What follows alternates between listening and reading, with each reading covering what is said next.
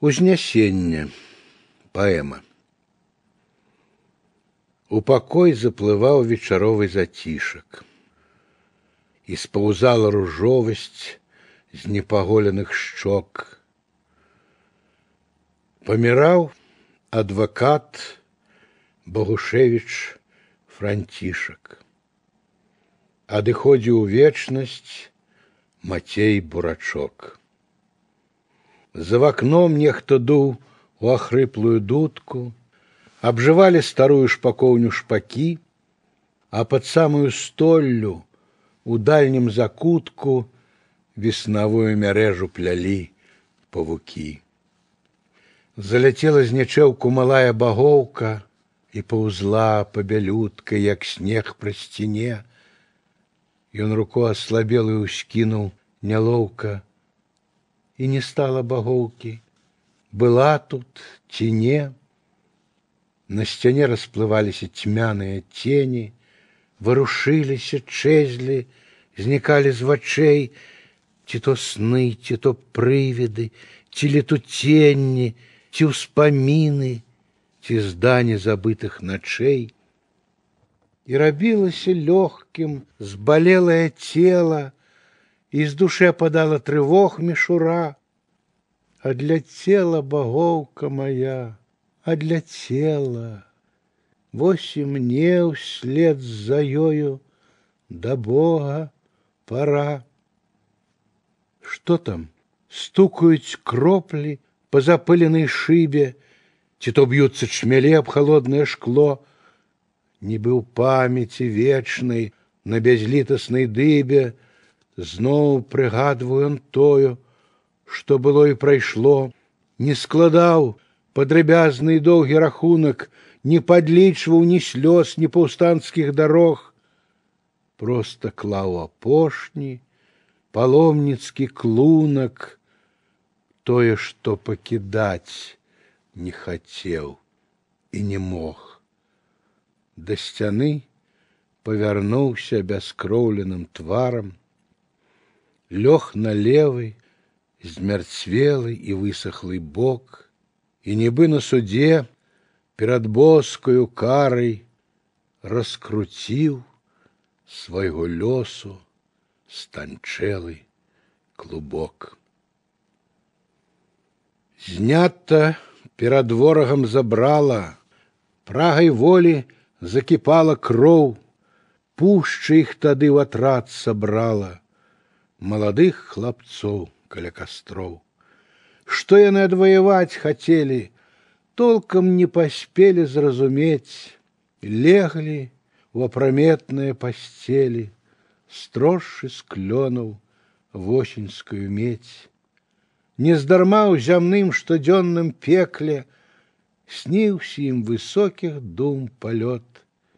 Іх пасля чужыя шаблі секлі, пробивали кули на вылет, а покуль за немном даль синея, тлея всход полоскую слабой, и спевают тихо касінеры перад тым, як выправіцца ў бой. Зялёная арэхаўя цераз тынь перавісла, што з-за таго арэхаўя бяжыць сівы конік, што на тым коніку яначка з вайны едзе. Яго мамка пераймае і ў яго пытае: « Яначка, дзіцятка, ці не адзін з вайны едзеш?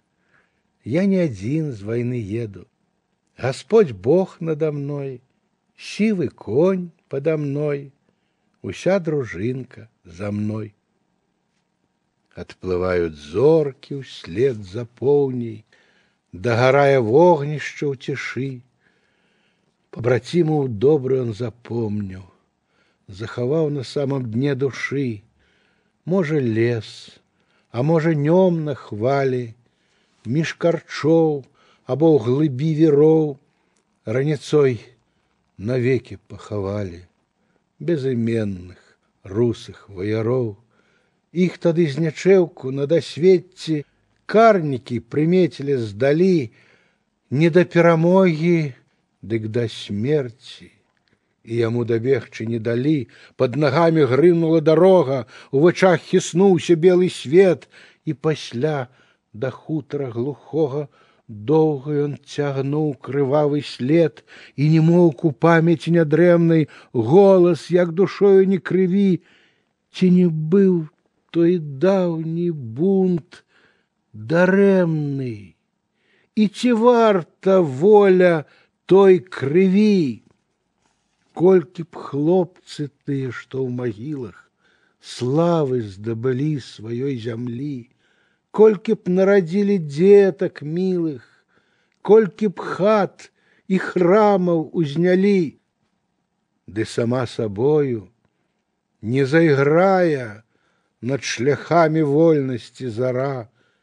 калі вісне над бацькоўскім краем чорны цень маскоўскага цара, калі мову родную гатовы растаптаць і знішчыць без пары і арол нахабны двухгаловы заганяе ў сэрца кіпцюры. Дзе тут будзеш разважаць спакойна, як канаюць лепшыя сябры, як хрыпіць задыхана погоня, и палают за спиной бары. И он за тое, что пазбег астрогу, абмінуе ссылку и турму, быў удзячны, згінулым и Богу, вечному ахоўніку свайму. И уже все годы свои за страты, за бяссілля, рану и спалох быў ён перад імі вінаваты і нічым сплаціць віну не змог нёс ён тую тайную пакуту праз крыжы растайных пуцявін і да пут будзёншчыны прыкуты запавет іх не ажыццявіў Вось і чуе здалечы фатальнай, дзе глухое забыццё і змрок іх апошні стоган развітальны, быццам неўсвядомлены папрок. Зазвенела под столлю мітуслівая муха, нацягнуў свае срэбныя ніткі павук, і забілася сэрца няроўна і глуха, быццам раптам мароз дакрануўся да рук, Богушевич памкнуўся паклікаць кагосьці і здзівіўся, які ў яго голас слабы. Нечакана занылі пад скурую косці, нібы вострай голкай кальнула ў клубы. Ён, сабраўшы ўсе сілы, прыўзняўся адчайна і на ложку разбэрслым лёг да гары і ўсё нешта шукаў безнадзейна вачамі хоць і ведаў, бяссільныя ўжо дактары. Задавольна хмыкнуў. У закутку на столі муха ўсё ж разарвала павучыны палон і адчуў, як цяпло прыплывае паволі, як навейкі лагодна спускаецца сон. Ты на момант чамусьці зрабілася душна і дыханне пакутліва зноў заняло, і гарачай мылкай здалася падушка, і чарнець пачало на верандзе святло, галаву затлумілі нячэпныя думкі, быццам хто разарваў спаміну ў вязьмо і наспех растрасаў даўняй памяці клумкі. Дзе яно, той разгневаны пані, пісьмо, Ён, здаецца, давёў яго ўсё-ткі да ладу, ці парваў, ці спаліць у каміне паспеў, Ну а што, як паклаў старую шуфляду, ці схаваў між пажоўклых судовых папер, Дзе яно, што калісьці душу збунтавала, што было нібы лёсу ягонага знак. Пісем розных жанчын атрымаў ён нямала, ды пра гэта забыцца не здолеў ніяк. Я вершы вашы прачытала паня, дзе струны сэрца чыстага чутны, і мне не ўцям, Чаму не пра каханне, а пра вясковых мужикоў яны. Ці ж можа жыць шляхетнае натхненне не ў маладым садку пры бальшаку, не ў замку, дзе блукаюць продка ў цені, а ў курнай хаце і ў старым шынку. Наўмысную прыземленасць такую я не магу прыняць і зразумець. Такіх радкоў ніхто не надрукуе, іх і ў альбоме сорамна займець. Навошта вы растрачваеце сілы і Божий дар на смешную гульню? Даволі засмучацца, пане мілы, парадуйцеся сённяшняму дню, а мова, што прыдатна для замоваў, для галашэнняў і балад старых. Навошта вам яна? На гэтай мове хто зможа нешта вартае стварыць?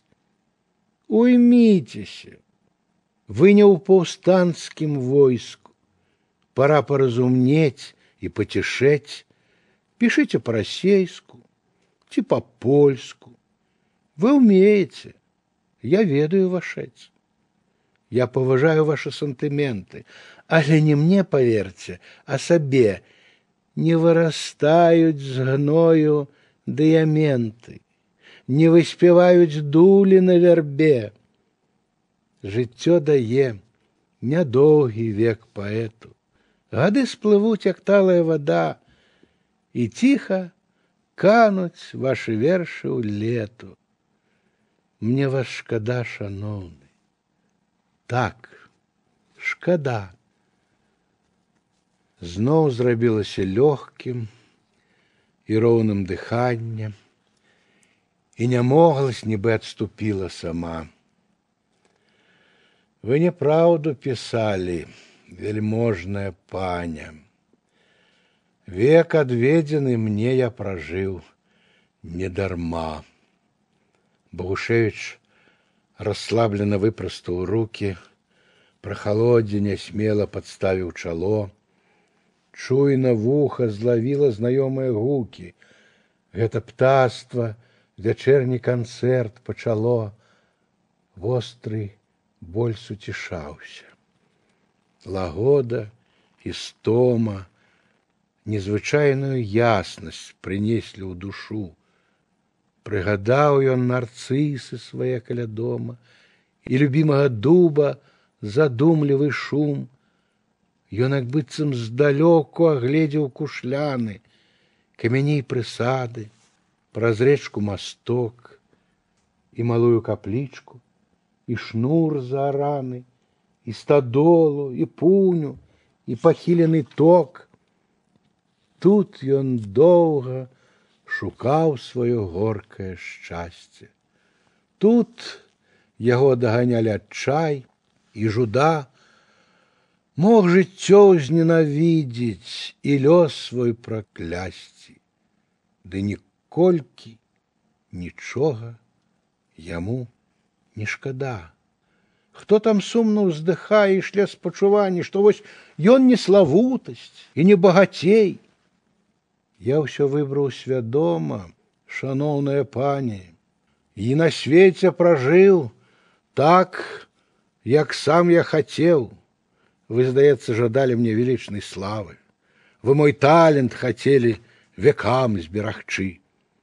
Што ж, я маю народу патрэбную справу і паэта тутэйшага велічны чын Мае вершы друкуе праслаўлены кракаў, дзе ў шыкоўных палацах жылі каралі.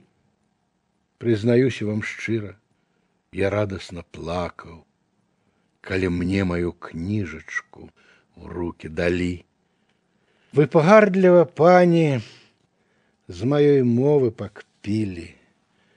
Каласам маёй песні заламалі залом, пасмеліся з люду, што ў брудзе і ў пыле хлеб для вас здабывае сваім мазалём. Я дарую вам гэта. Скуль жа ведаць вам пані, як пакутна, с хмызоў, сасакі балот а яшчэ з прыніжэння, нястач, папіхання выдзіраецца мой беларускі народ. Ён ніколькі не горшы за іншых, паверце. Ну а мову мне Бог, як і кожнаму даў.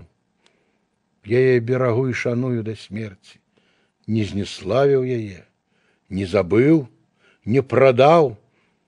Горкі роздум мне ліст ваш тады развярэдзіў.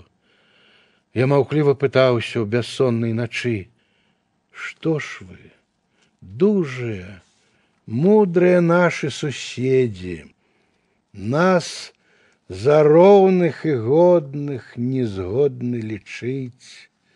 Чым жа мы вам панове так не дагадзілі? Тым, што потым сваім палівалі палі і ў паходы вызвольныя разам хадзілі, і сыноў сваіх лепшых вам служыць аддалі. Так што можа, не кану у бяздонную лету і адпраўлю ў палёт сваіх белых буслоў. Мне было што сказаць шматгалосаму свету і хапіла для гэтага матчных слоў.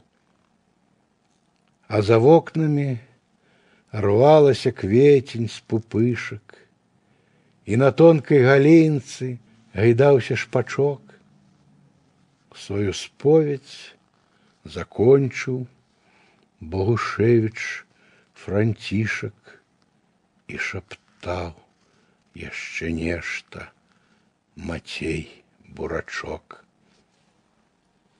Мой народ цярплівы і зацяты, дбалы і затурканы суздром. Быў табе я доўга адвакатам, Дык дазволь мне стаць табе суддзём. Я табе мой родны, мой адзіны, выкажу нарэшце праўду ўсю. Гэта ты, калі мы ў бой хадзілі, не памог, як трэба кастусю. Гэта ты збаяўся чорных кратаў і чужынцаў у свой двор прывёў. Дараваць ты мог праклятым катам, але ўсё забыць не меў правоў. Ты ж адкрыў ім і брады, і сховы, расчыніў напоўнены засек і прыняў як дар чужую мову, а сваю аддаў навек на здзек.